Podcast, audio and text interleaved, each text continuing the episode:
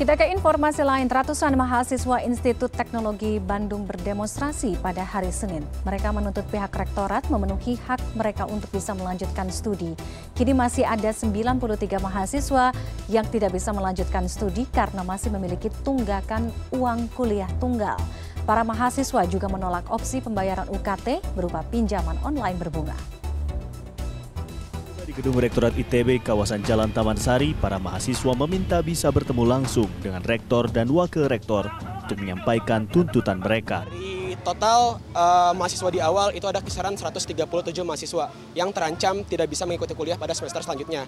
Namun sehingga hari ini kami juga mengupayakan berbagai bantuan dari alumni dan lain sebagainya, itu masih tersisa kisaran 93 mahasiswa yang masih terancam tidak bisa kuliah. Maka dari itu kami tidak menemukan solusi lain, sedangkan tenggat waktunya itu sendiri itu di besok hari.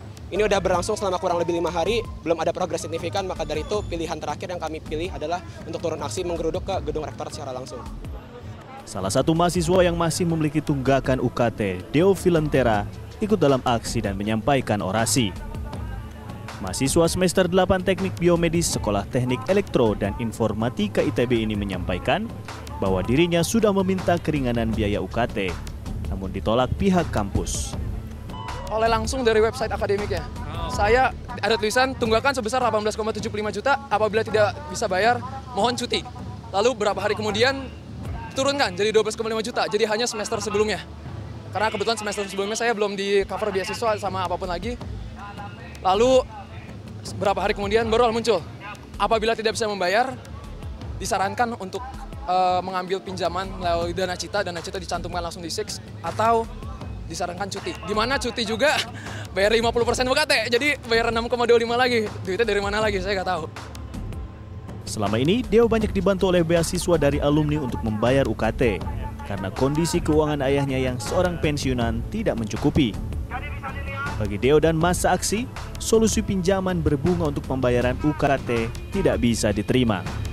Koordinator Nasional Jaringan Pemantau Pendidikan Indonesia Ubaid Matraji menyebut, permasalahan UKT yang dinilai terlalu mahal bukan hanya terjadi di ITB saja, Sejak Undang-Undang Nomor 12 Tahun 2012 tentang Pendidikan Tinggi berlaku, banyak perguruan tinggi negeri yang lebih memprioritaskan visi bisnis dibandingkan mencerdaskan kehidupan bangsa. Harus ada undang-undang baru yang merevisi kebijakan itu gitu. Jadi uh, pembiayaan perguruan tinggi negeri itu adalah menjadi tanggung jawab negara. Nah, untuk perguruan tinggi swasta ya uh, biarkan dia Eh, menanggung biayanya sendiri gitu. Sehingga uh, masyarakat yang uh, kuliah di perguruan tinggi negeri itu memang uh, mendapatkan banyak keringanan berbiaya murah karena apa? Perguruan tinggi negeri ini dibiayai oleh negara gitu. Nah ketika perguruan tinggi negeri ini dibiayai oleh negara maka ada harapan ya anak-anak bangsa ini untuk bisa ikut kompetisi seleksi masuk perguruan tinggi negeri gitu Ubaid menyarankan solusi jangka pendek yang bisa dilakukan adalah dengan memaksimalkan kartu Indonesia Pintar Kuliah yang lebih transparan, mudah, dan tepat sasaran agar tidak ada lagi anak bangsa yang tidak bisa kuliah karena terkendala biaya. Angga Putra, Elmi Surya Negara, Bandung, Jawa Barat. Kebijakan Institut Teknologi Bandung menyediakan skema pembayaran uang kuliah tunggal atau UKT melalui platform pinjaman online Dana Cita menuai polemik. Tak hanya kalangan mahasiswa, para alumni juga menyayangkan pihak kampus yang memberikan opsi pinjol untuk pembayaran UKT adalah Amelia Sakina alumni ITB jurusan Planologi 2011 mengaku tidak setuju dengan adanya pinjaman online bagi adik tingkatnya yang masih mengenyam pendidikan di ITB. Menurutnya pinjol bukan solusi tepat, masih banyak solusi lain bagi para mahasiswa untuk menyelesaikan permasalahan UKT, di antaranya dengan beasiswa yang diberikan oleh alumni. Ada hal lain yang mendasari ketidaksetujuannya terhadap pinjol di ITB salah satunya karena melanggar Undang-Undang Dikti Pasal 76 ayat 2C yang berbunyi pinjaman tanpa bunga yang wajib dilunasi setelah lulus dan atau memperoleh pekerjaan. Pinjaman online yang harus dibayar di saat mahasiswa masih berkuliah dinilai tetap dapat memberatkan mahasiswa dan orang tuanya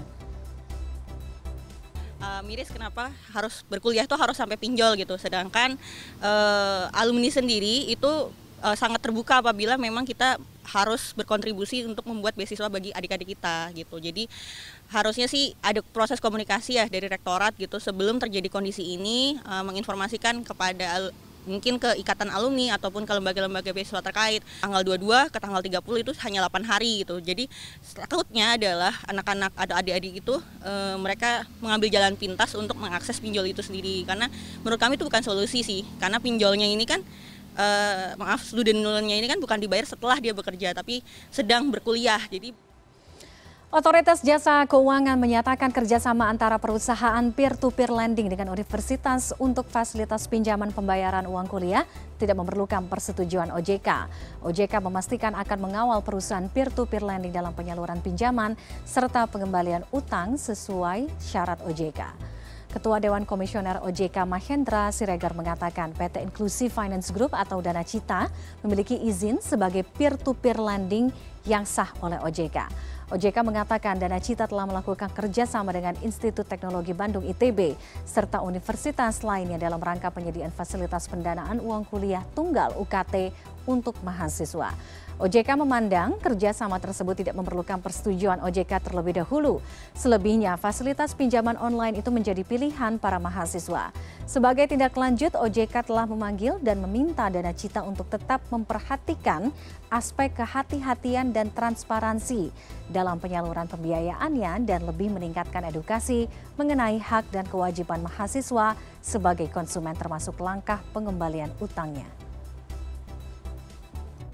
Kami terus akan melakukan pengawalan terhadap hal ini dan secara langsung juga meminta kepada perusahaan bersangkutan untuk tetap memperhatikan dan menjalankan dengan baik seluruh proses kehati-hatian dan transparansi dalam penyaluran pembiayaannya.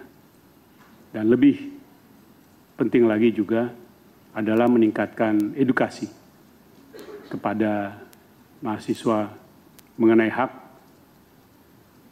kewajiban, dan risiko dari konsumen.